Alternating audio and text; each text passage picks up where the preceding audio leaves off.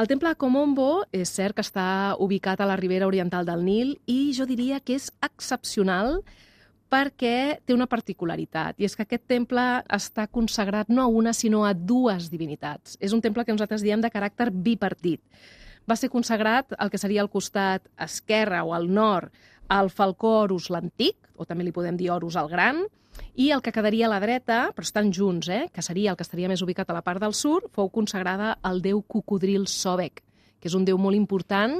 No és dels déus que, no, que més clar. es parla, no? I és una pena. És una pena perquè al el déu moment... cocodril té la seva gràcia. Té la seva gràcia, a més a més, el temien però el veneraven, està associat totes les crescudes del Nil a aquest cocodril, a aquest sòbec. A més a més, fins i tot actualment hi ha un museu, que el gran protagonista absolut és el cocodril, que l'han ubicat allà mateix en el temple, que és meravellós perquè pots veure diversos cocodrils dissecats, mumificats en el seu dia. De l'època faraònica? De l'època faraònica, això sempre.